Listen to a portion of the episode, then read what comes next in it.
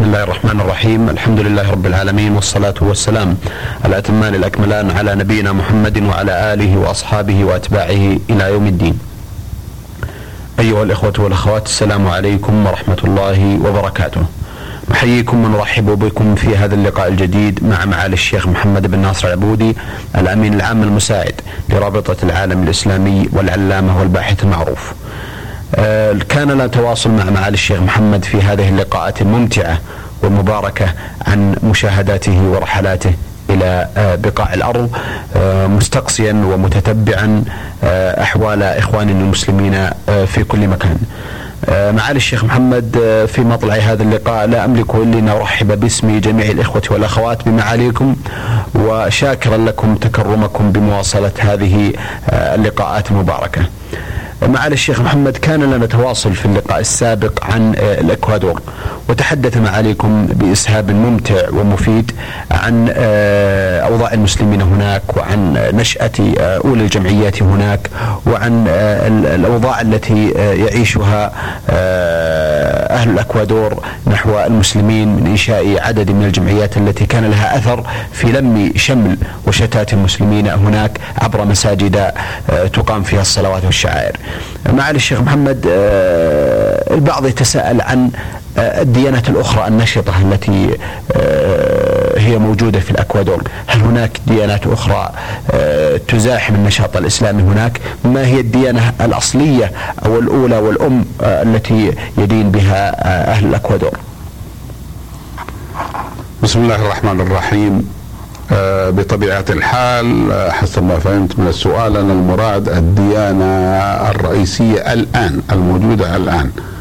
آه، الديانة الرئيسية الموجودة الآن هي المسيحية على المذهب الكاثوليكي لأن الذي أدخل الديانة المسيحية إليهم لأول مرة هم الإسبانيون.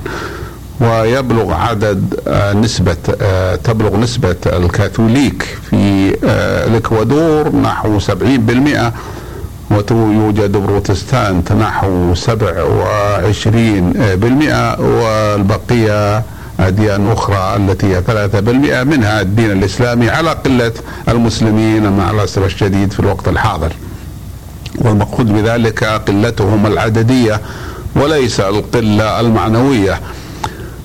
بالنسبة للديانة آه، كما نعلم أن آه، الإكوادور كانت تعتبر جزءا من مسرح حضار الحضارة القديمة للسكان الأصلاء الذين يسميهم الأوروبيون الآن بالهنود وهم ليسوا بالهنود الآسيويين ولا تربطهم رابطة بالهند الآسيوية. ولكن آه، نحن نعرف أساس هذه التسمية وأظن أنني تكلمت عليها في السابق بما لا حاجة إلى إعادته هنا. ولكن آه، الهنود الأمريكيون لا يزالون بمعنى السكان الاصله في أمريكا لا يزالون يؤلفون حتى الآن 40% من سكان الإكوادور. فسكان الاكوادور آه، يبلغ عددهم 12 مليونا 40% منهم من السكان الأصلاء الذين يسمون بالهنود الأمريكيين والأدق والأفصح أن آه، في وضعهم أو في نعتهم أن يقال إنهم آه، هنود الإنديز. ذلك بأن القارة الجنوبية وحتى القارة الشمالية الأمريكية هي متسعة ولا يمكن إطلاق صفة واحدة على جميع السكان الاوصل فيها. لقد عرف السكان الاوصل في أمريكا الشمالية بالهنود الحمر فينبغي أن نعرف الآخرين بما يميزهم لأنهم يمتازون عنهم أو نقول إنهم يختلفون عنهم بأشياء كثيرة. فمثلا الهنود الذي الموجودون في بلاد البحر الكاريبي أي البحر الموجود بين الذي يفصل بين الأمريكتين الشمالية والجنوبية ومعظم الأقطار فيه هي آه، جزر. آه، هؤلاء يقال لهم هنود الكاريب والكاريب قسم من الهنود أهل المنطقة تكلمت عليها فيما سبق. آه، هؤلاء ممكن يقال لهم هنود الكاريب أو هنود البحر الكاريبي وهنالك هنود الأمازون. وهم المناطق الاستوائية من أمريكا الجنوبية التي ليست بلاد جبلية ويختلفون عن الجبال. وهنالك هنود الإنديز هؤلاء الموجودون في آه، الإكوادور وبيرو وشيلي. والديانة آه، المسيحية الكاثوليكية جاء بها آه، كما نعلم آه، الإسبان عندما احتلوا هذه المنطقة وهم جاءوا الإسبان جاءوا إليها بطريق الطمع. وبطريق التملك والفتح وليس لم يكن معهم في ذلك الوقت لم يكن الذي حداهم إلى ذلك هو حاد ديني ولكنهم كانوا قد كانوا نشروا دينهم لأنهم كانوا متعصبين. في ذلك الوقت المسيحية إلى درجة معروفة بالتاريخ بمحاكم التفتيش لأن هذا الوقت هو وقت محاكم التفتيش. فقد كانوا عندما تغلبوا على آخر المسلمين في الأندلس وطردوهم أجبروهم أجبروا من بقي على آه، أن يعتنقوا النصرانية وإلا قتلوهم. فأظهر المسلمون اعتناق النصرانية آه، خوفا من القتل ولكن بلغ السلطات الإسبانية في ذلك الوقت أن بعض المسلمين لا يزال يخفي إسلامه ويصلي في الخفاء فصاروا يفتشون عمن يفعل ذلك ويقتلونهم واشتهرت وعملوا محاكم لذلك سموها محاكم اشتهرت محاكم التفتيش في المرحلة نفسها التي طغت فيها الفورة النصرانية المتعصبة ضد الإسلام انطلق الإسبانيون إلى أمريكا الجنوبية وهم لا يعرفون أنها أمريكا الجنوبية ولكن انطلقوا جهة الغرب يريدون الوصول إلى الهند عن طريق الغرب في بطريق يكون أقصر من طريق الشرق. والغريب العجيب الذي رأيته في مروج الذهب للمسعودي أنه قال ما معناه أن الناس يعتقدون أن هنالك طريقا إلى الهند من جهة الغرب أقصر من الطريق من جهة الغرب من جهة الشرق. فهم ذهبوا مدفوعين بهذا وكان أول ما وصلوا بطبيعه الحال بقيادة آه، كريستوفر كولومبوس آه، آه، ويسميه يعترفه الإسبانيون بكولون. عندما وصلوا إلى هناك وصلوا إلى جزر الكاريبي وكان أول جزيرة وصلوا إليها هي كوبا. ولما وصل إلى هناك. أيضا وجدوا ذهبا كثيرا في مقابر آه، الهنود السكان الاصلاء ووجدوا ذهبا في المناجم فهذا هو الذي جعلهم يسرعون هم وغيرهم ويحاولون أن ينهبوا تلك ثروات البلاد وقد نهبوا بالفعل وقضوا على الديانه على على المدنية التي كانت موجودة. وكانت هناك أديان وثنية وأديان ممكن أن تسمى بدائية موجودة مختلفة في تلك المنطقة غضى عليها الإسبان والمرء منا لا يأسف على القضاء على الديانات الوثنية ولكن هذا من باب الحديث التعريف ومن باب الحديث عن الواقع. وبعض تلك الديانات الموجودة ديانات قاسية حتى إن من آه، رسومها المعروفة التضحية بالآدميين ما يسمى بتقديم القرابين الآدمية. يزعمون أن آلهتهم لا ترضى حتى آه، يسفك تحتها دم عدد معين من الناس وتلقى الجماجم أو الرؤوس عليها وتبقى عندها مدة طويلة وقد بقت بهذه هذه الجماجم محفوظة إلى وقت قريب في بعض الأماكن. آه الآن السكان يعتبرون الآن كما قلنا أنهم آه، أربعون بالمئة هنود أمريكيون ويوجد أيضا أربعون بالمئة ممن يسمون المستيزوس باللغة الإسبانية ويقصد بهم المختلطون ما بين الأوروبيين والهنود وذلك أن الأوروبيين الذين هم الإسبان ومن كانوا معهم هؤلاء أول ما جاءوا لم تكن معهم نساءهم فتزاوجوا سواء بطريق الزواج أو بغيره مع السكان الأصليين وأنتجوا انسال وما زالوا يتزاوجون معهم إلى وقت قريب. فهذا الجنس هو الذي أصبح الغالب على السكان مثلا في المكسيك وفي كولومبيا وفي كثير من الأقطار. أما هنا فإنه ليس الغالب ولكنه كثير يساوي في العدد آه، عدد الهنود الأمريكيين. آه، يبقى هنالك آه، عشرين بالمئة من السكان هؤلاء أوروبيون خلص لاتينيون وعمادهم هم الإسبانيون مما جاءوا متأخرين ممن هاجروا متأخرين ولا يزالون موجودين وإن كان الجو الاستوائي قد أثر عليهم الذي هو جو الإكوادور. وقد استقلت الإكوادور عن إسبانيا في وقت مبكر هو عام 1822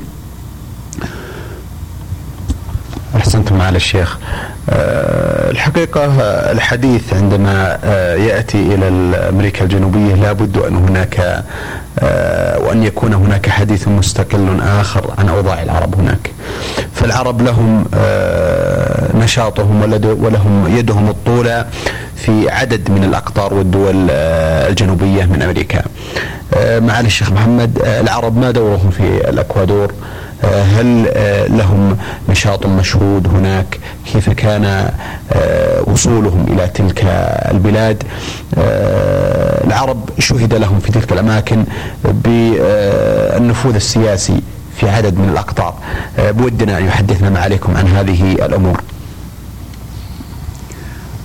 نعم الأمر كما ذكرتم وأعتقد على ضوء ما رأيته وشاهدته هناك أن الحديث عن العرب في الإكوادور آه، حديث خاص لأن له آه، بعض المميزات عن احاديث عن الأحاديث المتعلقة بالعرب في غير الإكوادور من أقطار أمريكا الجنوبية. ذلك بأن عدد العرب في الإكوادور هو قليل.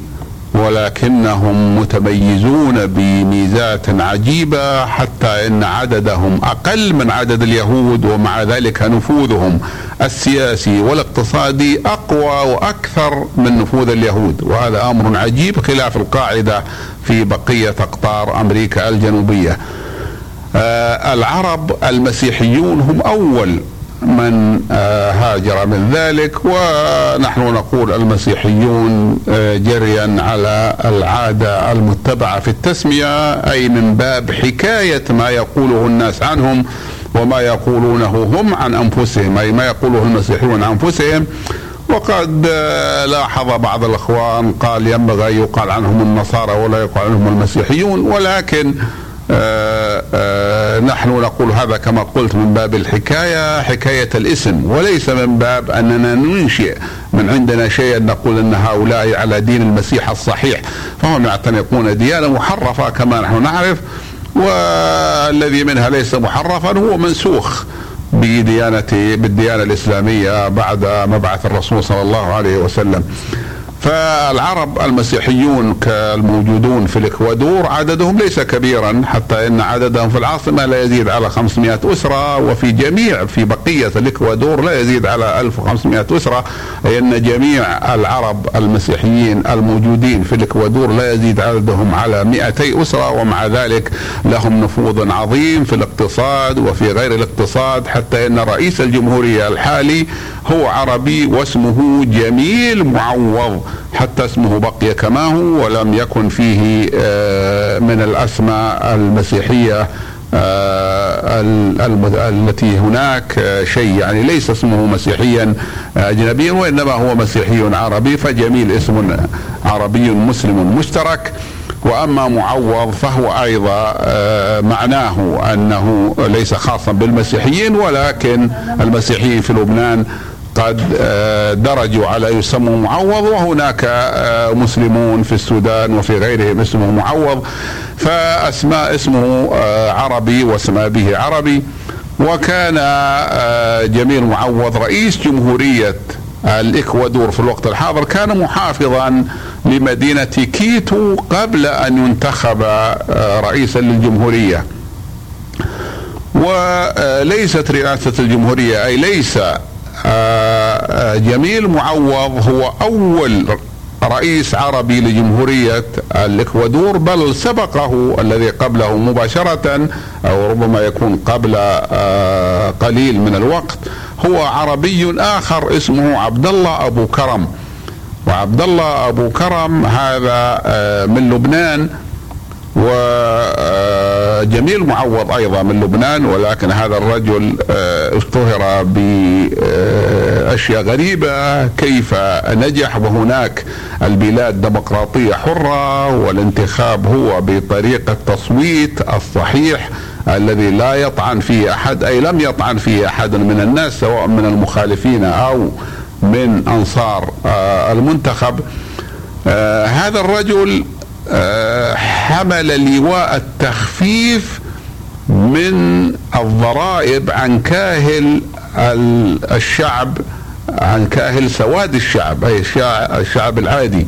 فقال آه أنا سوف أخفف الضريبة إذا انتخبت وكان خطيبا مصقعا نشيطا خفيف الحركة فانتخب انتخابا حرا لرئاسة الجمهورية واعترف به الجميع وباشر رئاسة الجمهورية اسمه عبد الله أبو كرم ولكنه مثلما كان خطيبا مسقعا سريع الكلام كان آه متهورا في تصرفاته وكان يأتي إلى الطبقات غير المرضي عنها يأتي إليها يجاملها كما يقول حتى إنه بعد أن انتخب رئيسا الجمهورية آه، أخذ عليه وسجل عليه بأنه رقص مع العاهرات.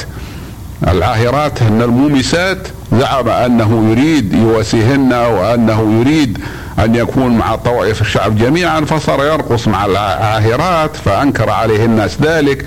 ثم صار يذهب ويتكل يذهب إلى أماكن الفنانين والموسيقى ويرقص كما يرقص آه، ولا ننسى المقصود من ذلك الرقص الذي هو محتشم عندهم. ولكن الرقص المبتذل الذي لا يرضونه هم لأنفسهم لذلك قام عليه الجمهور وفي مظاهرات آه، عارمة والغريب الغريب العجيب التي لم يكن إنسان يتصوره أنهم كانوا ينادون هذه الجموع الكبيرة. تنادي آه عبد الله عبد الله ويريدون بذلك قولهم. مثلا ليس عبد الله ولكن يقولون يسقط عبد الله عبد الله عبد الله وقليل منهم يقولون يحيى عبد الله عبد الله ثم يركزون على اسم الجلاله يظنون أنه اسم منفرد فيقولون الله الله.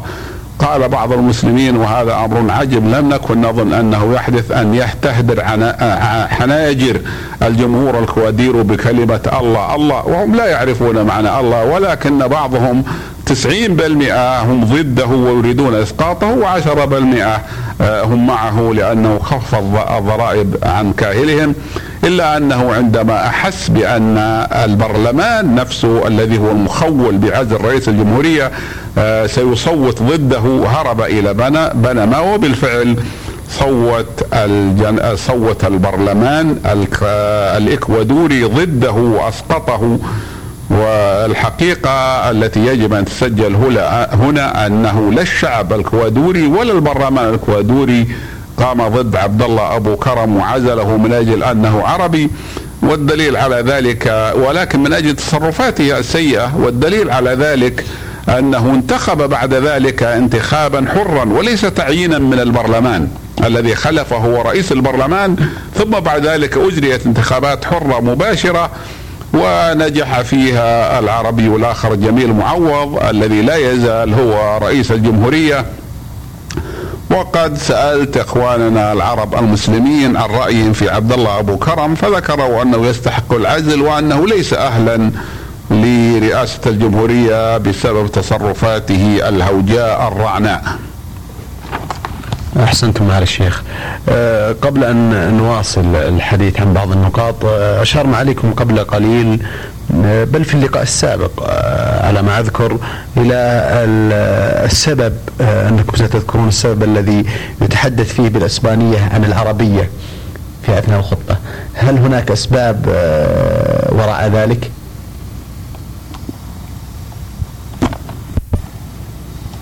تطرقت للأسباب التي جعلهم آه، آه، ينشئون هذا المسجد أو يتخذون هذا المسجد من أجل أن تكون المواعظ فيه باللغة الإسبانية وهي أنهم يريدون أن يتوجهوا بدعوتهم إلى إخوانهم في الوطن من السكان غير المسلمين من الإكوادوريين وهؤلاء لا يحسنون إلا الإسبانية فلا يفقهون العربية إلا بمترجم ومن الصعب ليس هذا مستحيل ولكن من الصعب إيجاد مترجمين يعرفون اللغة العربية واللغة الإسبانية وينقلون المصطلحات الإسلامية من اللغة العربية إلى اللغة آه، الإسبانية. هذا آه، هو السبب.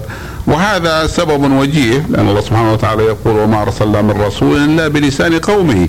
ولكن ليس معنى هذا آه، محاربة العربية في بلاد الأعاجم فيجب أن تكون العربية تعليمها آه، مرافقا لتعليم الدين الإسلامي ولكن ليس المراد من ذلك تعليمها لمجرد كونها لغة حية ينتفع بها في آه، المال التجاريه والاعمال وإنما المراد بذلك أن تكون أداة لفهم كتاب الله وسنة رسوله صلى الله عليه وسلم. صل معالي الشيخ محمد الحقيقة آه، أجد أنها فرصة في أثناء حديثنا عن آه، أوضاع المسلمين في أمريكا الجنوبية وعدد من الدول.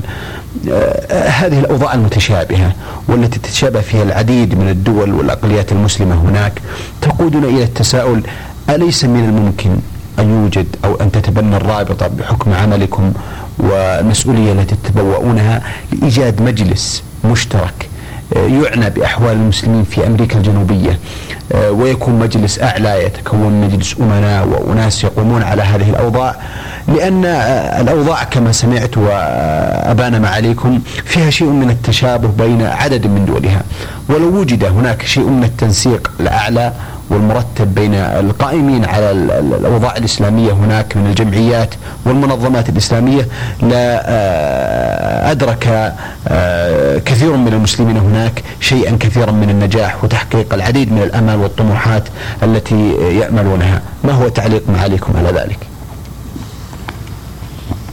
اولا نشكركم على آه، إثارتكم لهذه النقطة المهمة التي تدل على اهتمامكم بإخوانكم المسلمين ولكن ينبغي أن نفرق. لا نقول إن هذه الفكرة آه، ليست مناسبة بل إنها جيدة. ولكن المجلس الأعلى للتنسيق يكون آه، طبيعيا في في الأقطار التي فيها جهات عديدة تقوم بالدعوة الإسلامية مثل البرازيل.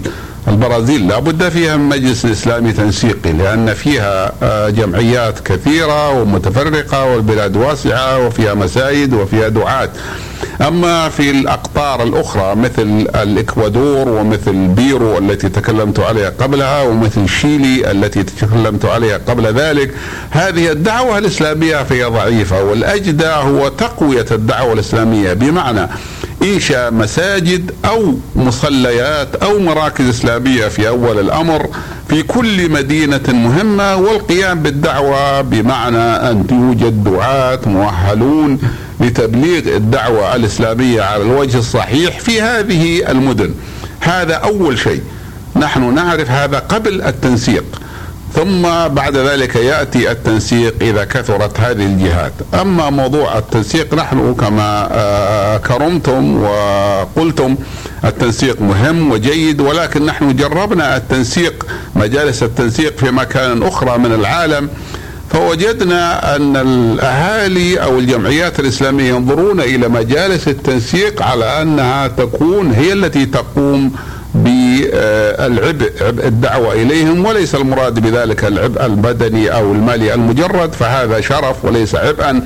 ولكن المراد بذلك أن تقوم بالنفقات اللازمة كأن تدفع النفقات للجمعيات الإسلامية وتقوم ببناء المساجد وهذا طيب ولكن يجب قبل أن نبدأ بهذه المجالس التي تتولى التنسيق والإنفاق على المشروعات الإسلامية أن آه، نوجد موارد إسلامية لهذه المجالس ونوجد ميزانيات خاصة حتى تستطيع أن تساعد الجمعيات مجتمعة. لأن الجمعية الإسلامية إذا شعرت بأنها هي التي تقوم بهذا العمل وهي مرجع له اجتهدت في تحصيل التبرعات من المواطنين.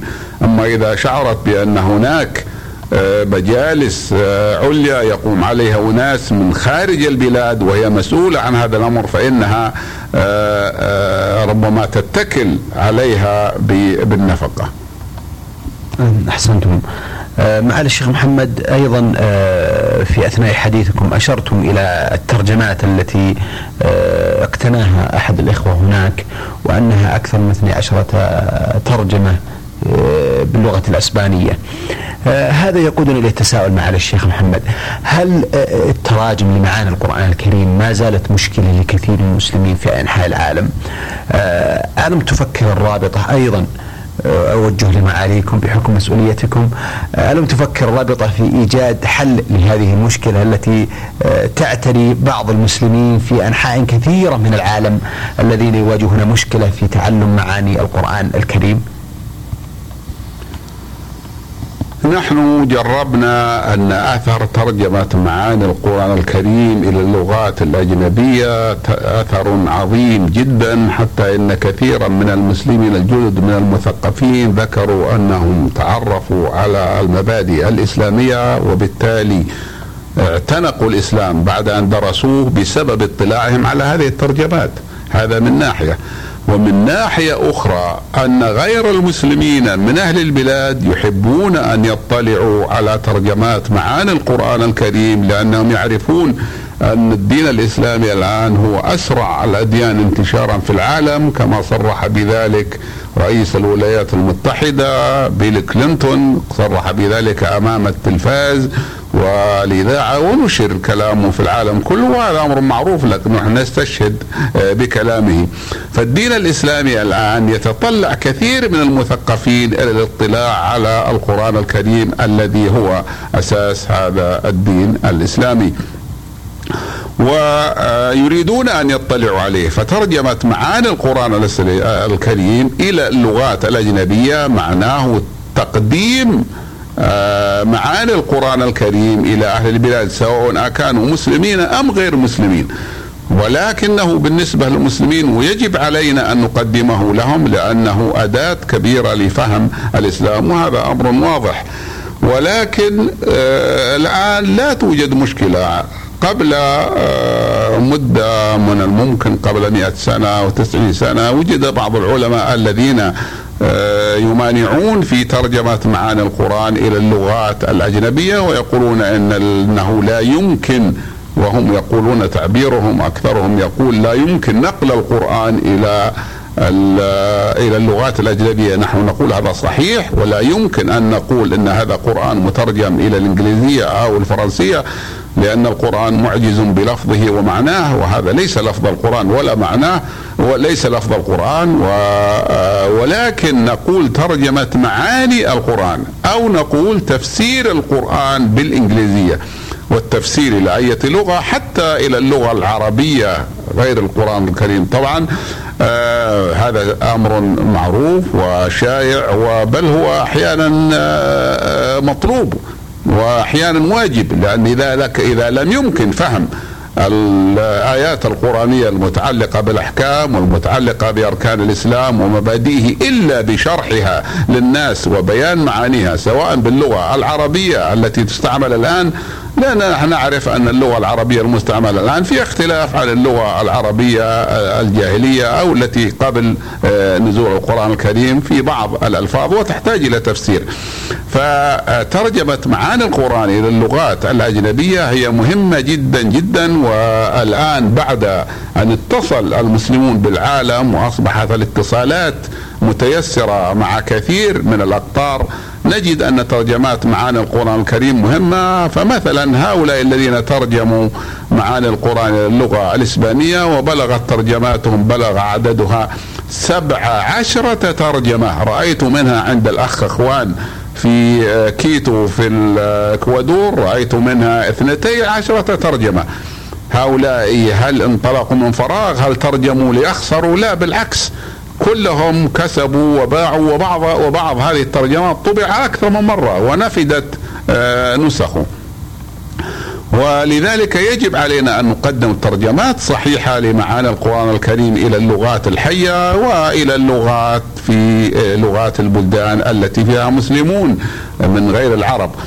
ولكن وكانت رابطة العالم الإسلامي قد آه، أخذت على عاتقها هذا الأمر والتي قامت بتنقيح بعض الترجمات بمعنى توثيقها لأنه ليس من المعقول أن يأتي شخص ويقدم إليك ترجمة ويقول هذه ترجمة معاني القرآن إلى اللغة الفلانية سواء كانت لغة أوروبية ذات ثقافة معروفة حاضرة أم كانت لغة مثل اللغة الإسبانية على سبيل المثال أم كانت آه، لغة حتى ضعيفة مثل بعض اللغات الهندية نضرب مثلا بالتامينية مثلا أو السنهالية في آه، سريلانكا.